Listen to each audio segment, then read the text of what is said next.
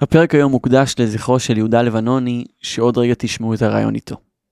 יהודה, חוקר רכבת העמק, היה בעל ידע בלתי נדלה בנושא וגם כתב את הספר בעל שני הכרכים מחמורו של הסולטן לרכבת העמק, העוסק במכלול ההיבטים של הקמת רכבת העמק ותפעולה. מחקרו המקיף של יהודה נמשך למעלה מ-12 שנה, וכלל שעות רבות של חקר ארכיוני בארץ ובעולם, סיורים לאורך המסילה וראיונות רבים עם אנשים שחלקם נסעו ברכבת העמק. יהודה נפטר במפתיע בזמן שעבר בין הקלטת הראיון ועד עלייתו לאוויר, וכאמור, הפרק הוא בהוקרה ליהודה ולעשייה שלו במחקר רכבת העמק ובשימור המורשת שלה. המדינה שבדרך, הסכת של המועצה לשימור אתרי מורשת בישראל. שלום וברוכים הבאים לפרק נוסף של המדינה שבדרך, מבית היוצר של המועצה לשימור אתרי מורשת בישראל, בשיתוף משרד ירושלים ומורשת ומשרד התרבות והספורט. כאן איתכם כרגיל, אורי תולדה. סמוך לכניסה לכפר יהושע בעמק יזרעאל, עובר כביש צר ליד מספר בתי אבן ישנים ומרשימים. זה היה מיקומה של תחנת תל השמם, ובמשך 50 שנים הרכבת החיג'אזית הייתה עוברת כאן. בשיא פעילותה של הרכבת היה ניתן לעלות על אחד מקרונות הרכבת ולנסוע עד לדמשק, ומשם לחצי האי ערב, אל העיר אל-מדינה, סמוכה למכה. מי שיזדמן למקום כיום, יוכל לבקר במרכז המבקרים שהוקם בתחנה הישנה, לצפות בסרט, בתצוגה, וגם לבקר במגדל המים שהוא הסיבה למיקומה של התחנה דווקא במיקום הזה. אבל אנחנו נגיע לזה בהמשך. מיד הצטרף אלינו לראיון יהודה לבנוני, ועוד לפני שפתחנו את המיקרופונים והתחלנו להקליט, קיבלתי את הרושם שאני יכול להתקיל אותו בכל שאלה שקשורה לרכבת העמק. שלום יהודה. שלום וברכה. אז מתי מתחיל הסיפור של רכבת העמק? הסיפור מתחיל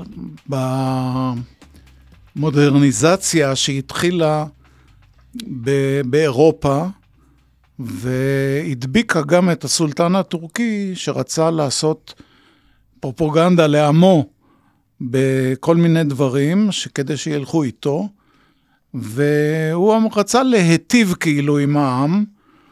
ובנה מצד אחד מגדלי שעון שנתנו את הקדמה של הזמן, ומצד שני בנה את הרכבות, את הרכבת החיג'אזית, שהיא נתנה עזרה עצומה לעולי הרגל למכה להגיע בצורה יעילה. ומי היה עבדול חמיד השני, קיסר הממלכה העות'מאנית, שבשלב הזה של הסיפור נשמע כמו קיסר שמיטיב עם עמו? עבדול חמיד השני היה ברירת מחדל כאשר הוא נבחר. כאשר הוא נבחר. היו שניים לפניו, אחד לחודש ואחד לחצי שנה, ואז בחרו כשלישי את עבדול חמיד השני. כמו שמובן מאליו, ברירת מחדל היא לא הדבר הטוב ביותר, mm-hmm. האפש... המצוי. הוא עלה לשלטון ב-1876, מלך 33 שנים, שזה המון, בשום, בכל קנה מידה, בכל מדינה אחרת גם. אבל הדאגה שלו, או אריכות ימי מלכותו, הייתה בזה שהוא דאג שיהיו אלה מול אלה כל מיני אויבים. יצר אה, חיכוכים יצר בתוך חיכוכים ה... בתוך הממלכה. כן. ועל ידי זה, הוא היה בורר תמיד, והוא היה האיש שאליו פנו.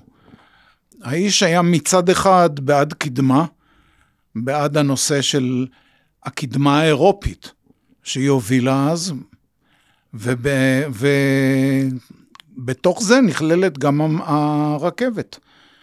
הנושא של הרכבות התחיל באותו זמן באירופה, חצי שנה קודם, שנה קודם באירופה, והוא העתיק את זה לטורקיה ועשה נפלאות. עכשיו, אנחנו מכירים את הטורקים כ- כעם של בקשיש ועם של אה, אה, שחיתות. Mm-hmm. הפרויקט הזה של הרכבת, מאחר והוא הוכרז כרכבת הקדושה, הוא היה הרכבת ש- שמוקדשת לאלוהים, כן. הוא היה הפרויקט היחיד שלא היה בו שחיתויות. כי היה ומצ- מטרה גדולה את זה, יותר. מציינים את זה בכל הספרים. זה נראה כמו מתנה מאוד גדולה למוסלמים העות'מאנים. מצד שני, אנחנו מכירים גם את אה, עבדול חמיד השני כשליט מאוד אכזר, מול הארמנים. עבדול חמיד, יש לו שתי פנים ראשיות, שאחד מהם זה באמת סולטן הדמים, זה היה הכינוי שלו, או הסולטן האדום. בזמנו התחוללה השואה הארמנית. מצד שני, לאחד האנשים שאנחנו ניגע בו בהמשך, המהנדס הראשי של הרכבת החיג'אזית, מייסנר, הייתה אישה ארמנית, ופלוגת חיילים שמרה על הבית שלו שלא יאונה לה שום רע. עכשיו, איך אנחנו מסבירים את ההבדל הגדול הזה? כי הוא היה צריך את מייסנר. כן. הוא הצליח כמעט עד הסוף. בסוף ימיו הייתה מהפכה ב-1908, והתנזימת אה, עלו והכריחו אותו להקים פרלמנט ולהקים אה, אה, בחירה חופשית. זה החזיק שנה, והם היו צריכים לעשות מהפכה שנייה, ואז הדיחו אותו סופית, ב-1909. אז הוא התחיל את הבנייה של הרכבת בתחילת אה, המאה ה-20.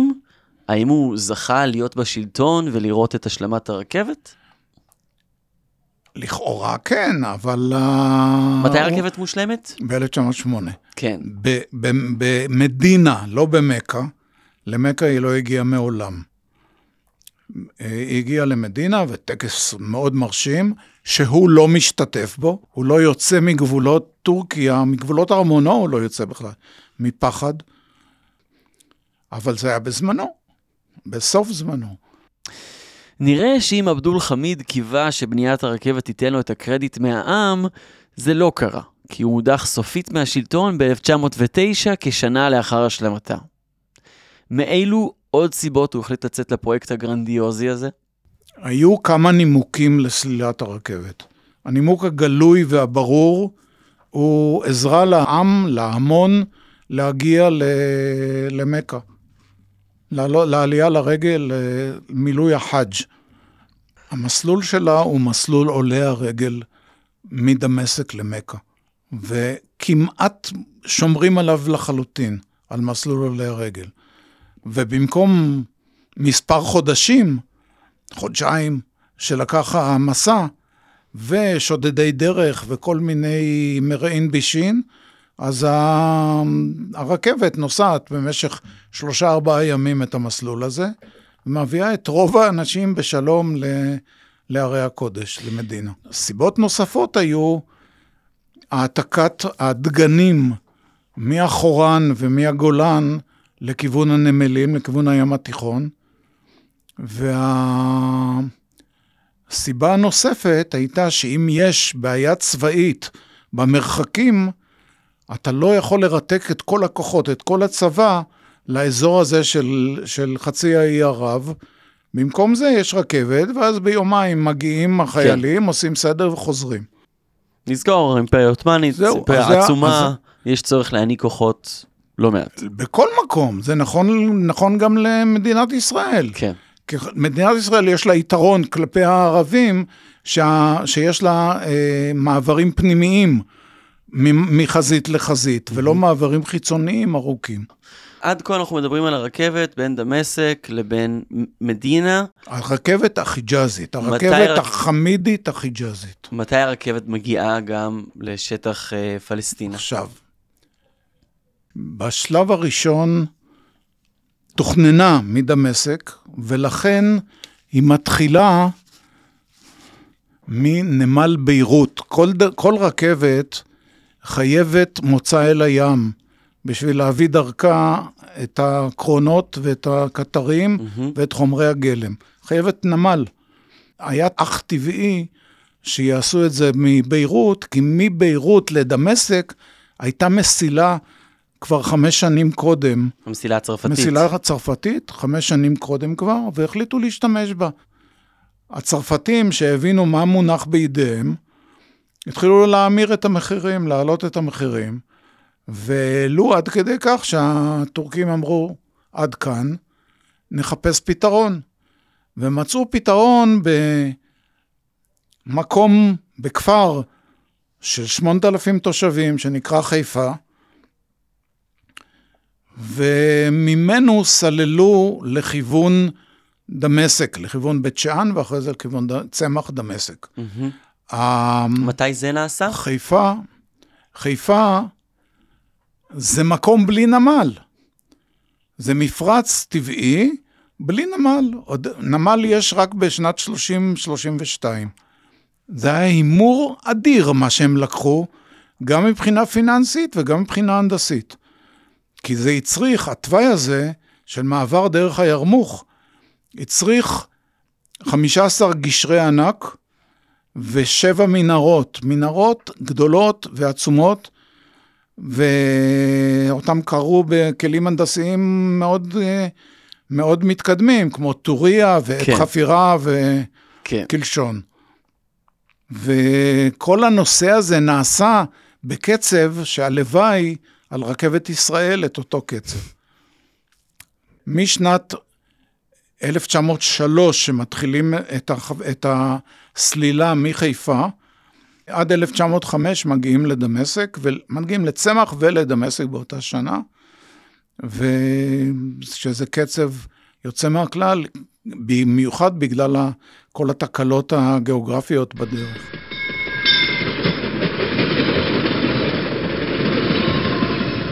למה דווקא נבחר המסלול הזה? המסלול הזה נבחר, השם העממי הוא רכבת העמק, אבל זה לא עמק אחד, היו צריכים לקרוא לה רכבת העמקים, כי היא עוברת בעמק זבולון, בעמק יזרעאל, בעמק חרוד ובעמק הירדן. והעמקים האלה נותנים מצב כמעט מישורי שמאפשר את תנועת הרכבת בלי לטפס על הרים ועל גבעות. ולכן נבחר המסלול הזה, עמק יזרעאל בעיקר. עכשיו, כל רכבת קיטור, הדלק שלה הוא המים.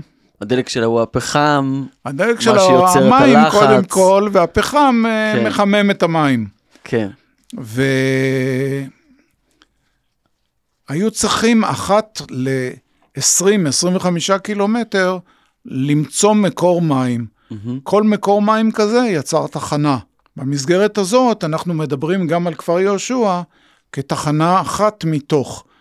במקרה של, ה... של התקופה העות'מאנית מתוך שמונה, במקרה של התקופה הבריטית מתוך תשע. ואתה מתאר שתחנות הרכבת נמצאות ליד מקורות מים, ושצריך כל כ-25 קילומטר לתדלק אותה במים. נשמע לי שלוחות זמנים של רכבת כזו מאוד שונים מלוחות זמנים שאנחנו מכירים היום. כל מהלך הנסיעה שונה, כל, כל הקצב חיים שונה. הרכבת נסעה ב-25 קילומטר לשעה בממוצע, שזה מהירות אופניים. זה היום לאולפן, הגעתי בגשם עם קורקינט חשמלי, וזה היה הקצב הממוצע שלו. תצטרף לרכבת העמק. כן. וב-25 קילומטר לשעה אפשר ממש להדביק כזה פער בהשוואה להולכי רגל? הולכי רגל הולכים 4 קילומטר בשעה במקרה הטוב. כן, אם כשאין אין להם מהמורות כביש- ואין, ואין שודדים ואין שום דבר אחר בדרך. כן. אה, ביחס לכל דבר אחר זה מהירות, זה מהירות אינסופית ביחס למה שהיה. כן, אז אם הייתי עולה על רכבת בבוקר בחיפה, מתי הייתי מגיע לדמשק? 12 שעות. 12 שעות לדמשק. בערך. כן. וכל כמה זמן הייתה יוצאת רכבת? אז זהו, זה היה משת... השתנה עם השנים. בוא נגיד, בוא נלך על ארץ ישראל בלבד. מחיפה לצמח, מהמם. פעם, פעמיים בשבוע בהתחלה. לדמשק פעם בשבוע. ודרומה עוד לא הייתה, ב-1908 רק מתחיל. אחרי זה היה, בסופו של דבר, כאשר התייצב לוח הזמנים, היו שתי, שתי רכבות ביום לכיוון צמח, אחת ממשיכה לדמשק. זהו. עכשיו, התושבים, מאחר ולא היו שעונים יוצאי דופן, התושבים השתמשו ברכבת כשעון. אנחנו נתחיל את הפעילות הזאת והזאת לפני בוא הרכבת או אחרי הרכבת. ובאתר של רכבת העמק בכפר יהושע יש לוח זמנים עם זמנים של הרכבות. מה רואים שם? יש, אה, גם כל החניות מופיעות ב- בלוחות הזמנים. אה, הם לא היו ריאליים, כי בדרך כלל הם זה, זה לא חדש לנו, זה אנחנו מכירים. שכתבו 10.49 זה יכול להיות בקלות 10.60 כן, אה, או 11. כן. והם מאוד דאגו לדיוק בדקות, מה שבצורה פיזית לא היה. כאמור, לא, לא, לא השתנה הרבה מאז. אני לא יודע, סתם, לא, אני הרכבת, מניח אה, שהשתנה. אני- כן. אה, היום אה, מתלוננים על כמה דקות, אני מניח שאז לא היו מתלוננים על איחור של כמה דקות. היום מקבלים כסף על איחור, כן. ואז לא קיבלו כלום. במקור היו שמונה תחנות טורקיות, ותחנה בדרך כלל מנתה מבנה תחנה שבו היו משרדים ומחסנים, ובקומה השנייה של אותו מבנה גרה משפחת המנהל. בכפר יהושע יש לנו מבנה כזה, עם המקום שגר בו המנהל, כן, ובחלק התחתון היה חלק המינהלתי, כולל מכירת כרטיסים, כולל אולם נוסעים, קטן, אבל אולם נוסעים, וזאת הייתה תחנה. עכשיו, תחנה התבטאה בעיקר באפשרות לתת מעבר של רכבת אחת לרכבת שעוברת מולה. מהמם, כי בכל המקומות הייתה מסילה אחת בלבד, ולא שתיים. בתחנות הייתה מסילה כפולה. ואחרי, אה, אה, התקופ... בתקופה הבריטית, התווספה למעשה תחנה אחת, עין חרוד, ועוד עשרות אה, חניות. חניה, להבדיל מתחנה, יכולה להיות שלט עם שם. הנהג הקטר רואה שעומדים אנשים, עוצר, מעלה אותם. מישהו מצלצל לו באיזה פעמון פרימיטיבי ודורש לרדת, אז הוא עוצר ונותן לו לרדת. מהמם. חנייה היא ללא שום שירותים נוספים. זאת אומרת, מקום, כן. איתור. וזה כמעט נתנו לכל יישוב שדרש. לפעמים שני קילומטר מחנייה אחרת. וזה הביא לאינפלציה די גדולה בחניות. אני מניח גם להאטה של הרכבת. כן, אבל זה לא שינה, הזמן, הזמן לא שינה אף פעם שום דבר.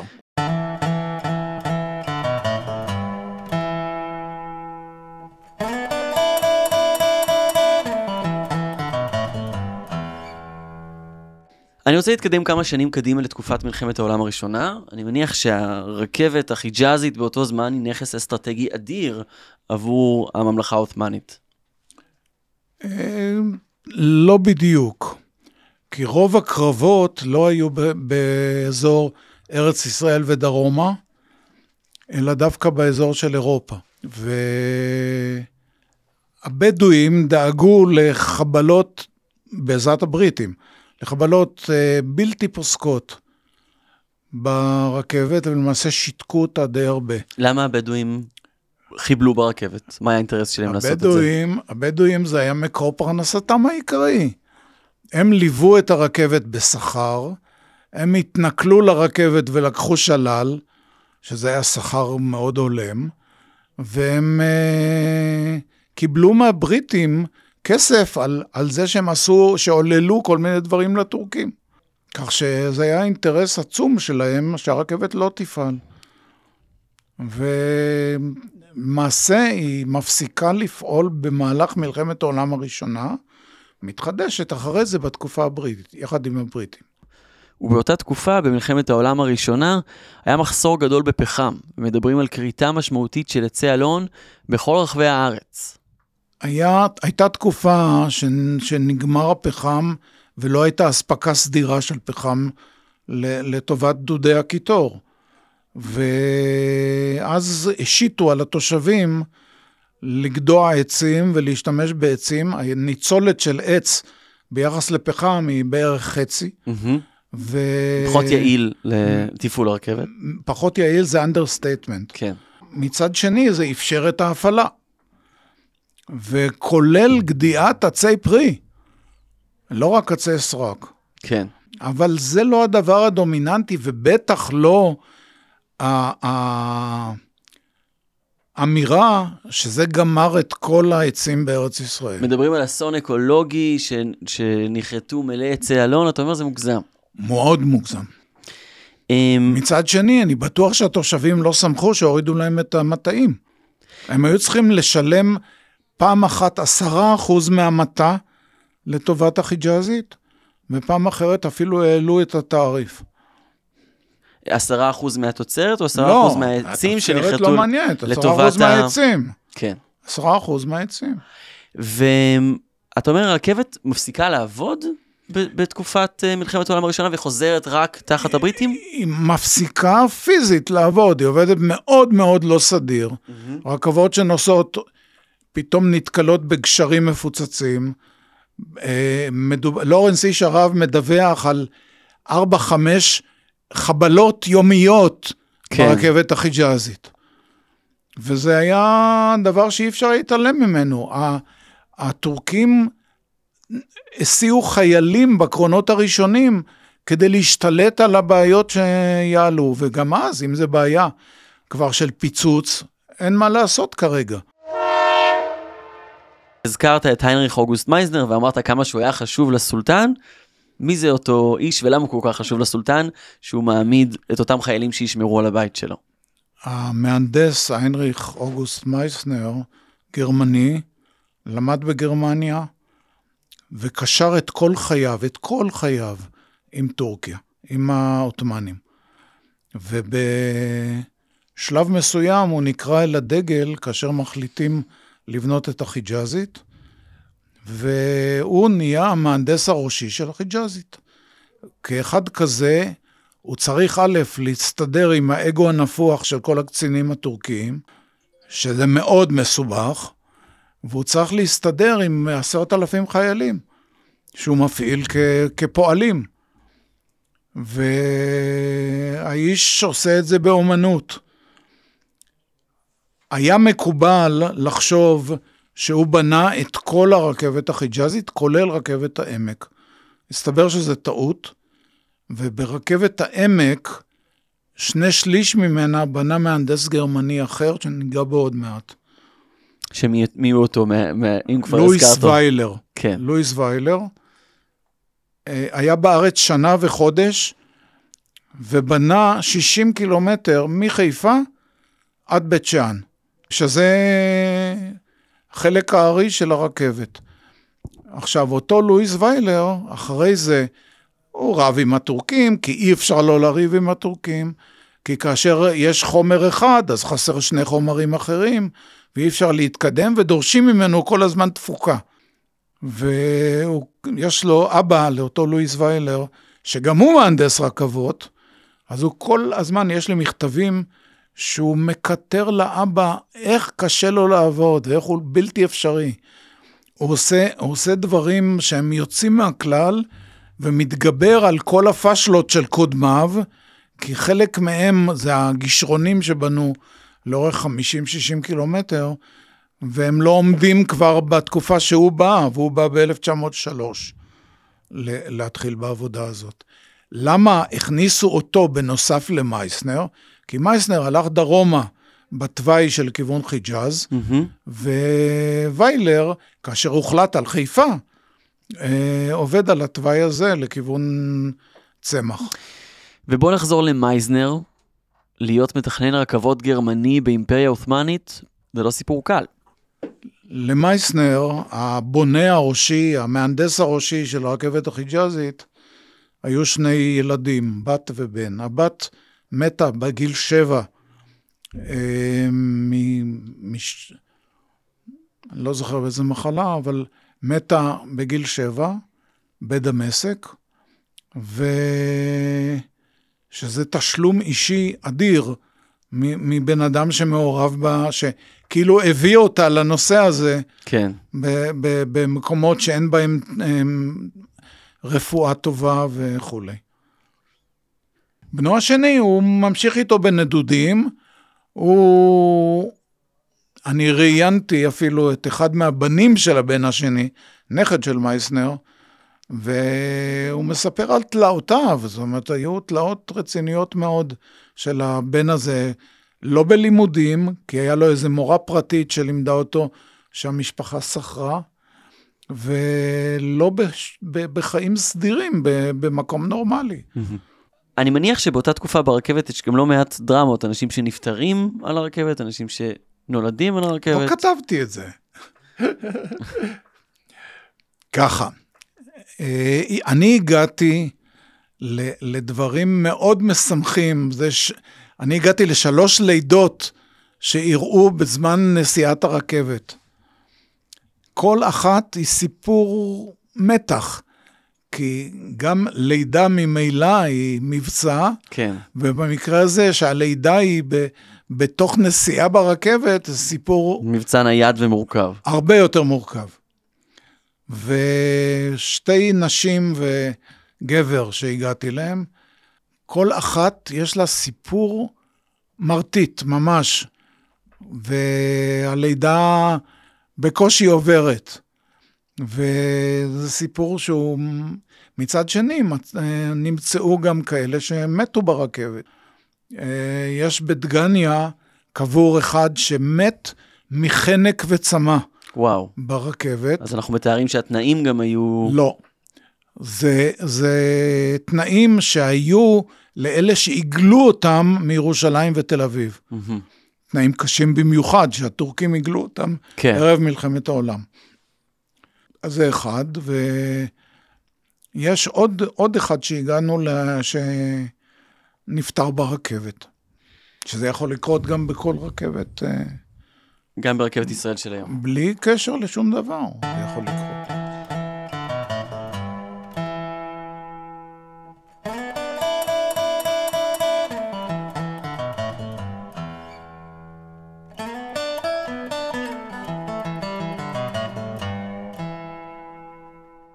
אנחנו מדברים על המפעל של הרכבת החיג'אזית כמפעל עות'מאני. מצד שני, כמעט לא הזכרנו, מה זה כמעט לא הזכרנו? לא הזכרנו בכלל את, ה, את היישוב בארץ באותה תקופה, לא שהיו יותר מדי אנשים. אבל כי היישוב בארץ לא קשור לרכבת החיג'אזית. אז ספציפית בקטע שבין אה, חיפה... אה, הדבר היחיד שקשור ליישוב בארץ, זה שבזכות הרכבת החיג'אזית, יכלו לעלות יישובים לאורך, ה... לאורך המסילה, שבשום צורה אחרת אי אפשר היה להגיע אליהם, לא כבישים ולא כלום, כן, ולא משאיות. אז ה... הרכבת התפרסמה בזה שהיא עזרה להעביר את צינורות הנפט של הקו מעיראק לחיפה. בהמשך... ציר האייג'ים, כן, אייג' זה הייפה, כן, וציר האייג'ים אה, העביר את, ה, את, ה, את הצינורות, העבירו בעזרת הרכבת עד למקום שממנו העבירו אותם להמשך לכיוון עיראק. ההתיישבות היהודית לא יכולה הייתה לעלות בלי, הרכב, בלי רכבת העמק והרכבת החיג'אזית. אבל עדיין באותה תקופה הם לא עוזרים בשום צורה בבנייה שלה, נכון? לא. אבל בשלב מאוחר יותר, לדוגמה פנחס רוטנברג, משתמש בחלק מהתוואי בשביל... אה, בשביל להביא את המכונות לכיוון נהריים. כן, וזה ניצול הרכבת החיג'אזית, זה לא אה, אה, עזרה לרכבת החיג'אזית או, בנייה. עכשיו, זה אחד הדברים שהוא, שהרכבת הרכבת עוזרת בהמון תחומים, אבל במיוחד בנושא ההתיישבות, נושא חומה ומגדל, לא יכול היה להיות בכלל בלי הרכבת החיג'אזית. בין היתר, היו התנכלויות של ערבים לרכבת היהודית במרכאות. ומאחר וכך, הבריטים החליטו לה- להקים משמר רכבת, שחלקו היו יהודים, חלקו היו ערבים, והפיקוד היה בריטי, כן. והם מנעו חלק מה, מההיתקלויות האלה וההתנכלויות האלה. ומשמר הרכבת גם היווה בסיס אחרי זה להגנה ולעוד כל מיני... כן, זה אלו הם אותם גפירים, אותם אה, כן, נוטרים שיותר מאוחר נוטרים, כן. לקחו חלק יותר פעיל בהקמת המדינה. אמ, כשאנחנו מדברים על סוף הרכבת בתקופה הראשונה שלה, עד שכמובן פתחו אותה מחדש ב-2016, אבל זה כבר סיפור אחר לחלוטין, אנחנו מדברים כשלב ראשון על ליל הגשרים. נכון? סגירת הרכבת הייתה בכמה שלבים. השלב הראשון היה ליל הגשרים, 16 ביוני 46, ואז פוצצו 11 גשרים, ביניהם אחד ברכבת החיג'אזית, זה שמעל הירמוך, מה שאנחנו קוראים ירמוך מספר 2. שעד היום אפשר ש- לראות את הגשר השבור עד הזה. היום הוא מפוצץ, עד היום כן. הוא לא תוקן. כן. כל הגשרים האחרים תוקנו. גשר ענק, אגב, הגשר ש... כולם גשרי ענק. כן. כל הגשרים על הירמוך הם גשרי ענק. וצריך להגיד, גשרים הם מהמקומות היותר יקרים לבנייה לאורך המסלול, וברגע שהם מפוצצים כל כך הרבה גשרים, המסלול שהטורקים החליטו עליו, מחיפה לצמח ולדרה, כן, או למוזריב, לכיוון דמשק, הוא היה מסלול עתיר ממון. המנהרות עלו המון, והגשרים היו גשרים שהם היו אתגר הנדסי. הם היו ענקיים. זה שלב א' בניתוק רכבת, בסיומה של רכבת העמק. כי על ידי פיצוץ הגשר הזה, אה, הפסיקה התנועה הרכבתית בין ארץ ישראל לסוריה ולרבת עמון. השלב השני היה פיצוץ שלושה גשרונים לאורך התוואי, כי היה חשש שהערבים ישתמשו ב- בתוואי הרכבת או בסוללת הרכבת, בשביל להכניס כוחות ממש ללב ישראל. מהמם. ואז החליטו לפוצץ שלושה גשרונים, שזה אנחנו מדברים כבר על 48. 48. כן. אחד באזור עפולה, אחד באזור כפר יחזקאל, ואחד בבית יוסף. עכשיו, שלושת אלה היו, למע... ניתקו למעשה את פעולת הרכבת.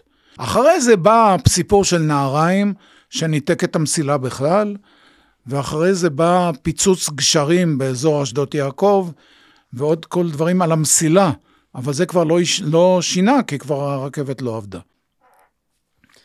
וזה סוף רכבת העמק בעצם, נכון? בגלגולה המצחיק, המש- המצחיק הוא והקוריוזי בנושא,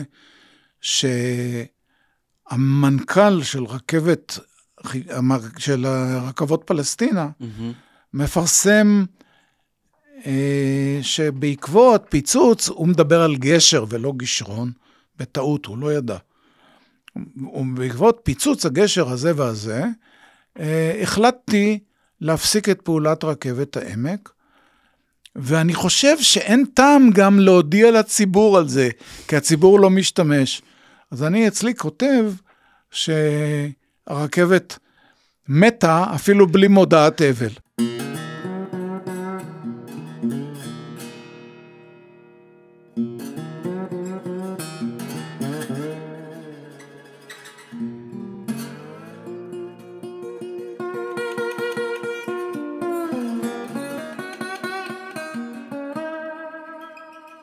כל, משך שנים רבות, דובר על, על, בצורה נוסטלגית על הרכבת, וברור לגמרי, האנשים היו אז צעירים, והיו מלאי חיים, והרכבת באמת עזרה. כן. בכל, היו כמה פעולות שניסו לחדש אותה, ללא הצלחה. ובסוף, בשנת 2016, אה, החליטו לסלול מסילה סטנדרטית, זאת אומרת 143.5 סנטימטר, לא רכבת צרה, כן. מחיפה לבית, לבית שאן, 60 קילומטר, כשהכוונה היא להמשיך אותה לכיוון ירדן, ומשם השמיים הם הגבול. והמסלול של הרכבת העמק הנוכחית דומה... לא דומה, לא שווה. דומה. שווה. כן, ומהסיבה הזאת, לדוגמה, במגדל העמק הרכבת נמצאת מחוץ לעיר? התחנה? תמיד היא הייתה מחוץ לעיר. אז, אז גם, אנחנו גם עדיין... של הרכבת החיג'אזית היא הייתה מחוץ, אז- למה שיהיה העיר. כן, אז כשאנחנו מסתכלים היום על המסלול של הרכבת, זה עדיין קשור לאותם מקורות מים Mm. שהיו נדרשים להפעלת הקיטור. זה, זה עובר באותם מקומות, אבל בלי קשר בלי- לקיטור. כן, כן. עכשיו זה כבר לא, לא כן. רלוונטי בשום צורה. ומי שמסתובב באזור היום, מה, מה עוד נשאר מרכבת העמק ההיא? ב- ב- לאורך רכבת העמק שומרה תחנת כפר יהושע, וחודשו המבנים, וחודש מגדל המים, וחודשו, ואפילו הציבו שם משאבה שאפשר יהיה לראות איך המים הובלו. ומהמגדל למילוי הקטר מולאו בצינורות בגרביטציה. שם נראה איך תחנה עבדה. עכשיו, בכפר יהושע, ובכל התחנה, כמה זמן לוקח למלא את המים? קשה לי להגיד. כן. היה תמיד ממונה אחד, שהוא היה איש המשאבות, בכפר יהושע קראו לו הבומבג'י. בומבה זה פומפה, כן. ואיש המשאבות. הבומבג'י הזה היה חשוב יותר ממנהל התחנה, כי הוא שירת שם 14 שנים, לעומת מנהל תחנה שאחת לשנתיים היה עוזב, פחות או יותר. ומי שרוצה להגיע ל- לאתר מורשת כפר יהושע, מה אפשר למצוא שם היום ואיך עושים את זה? מגיעים לאתר, ואפשר לראות פיזית איך עבדה רכבת העמק, איך עבדה תחנה סטנדרטית ברכבת העמק. אתר משוחזר ומומלץ. אז אתם מוזמנים לבוא לבקר באתר רכבת העמק כפר יהושע. תודה רבה ליהודה לבנוני, חוקר רכבת העמק, וכותב uh, שלושת ספרי מחמורו של הסולטן לרכבת העמק. שניים ואחד. שניים ובונוס. תודה רבה יהודה. לבריאות. המדינה שבדרך, הסכת של המועצה לשימור אתרי מורשת בישראל. הגענו לסופו של פרק נוסף של המדינה שבדרך, אני אהוב טולדנו. תודה לכם שהאזנתם, תודה לדקלה ליאני וקרן שראבי מהמועצה לשימור אתרים, ואנחנו נשתמע בפרקים הבאים. יאללה ביי.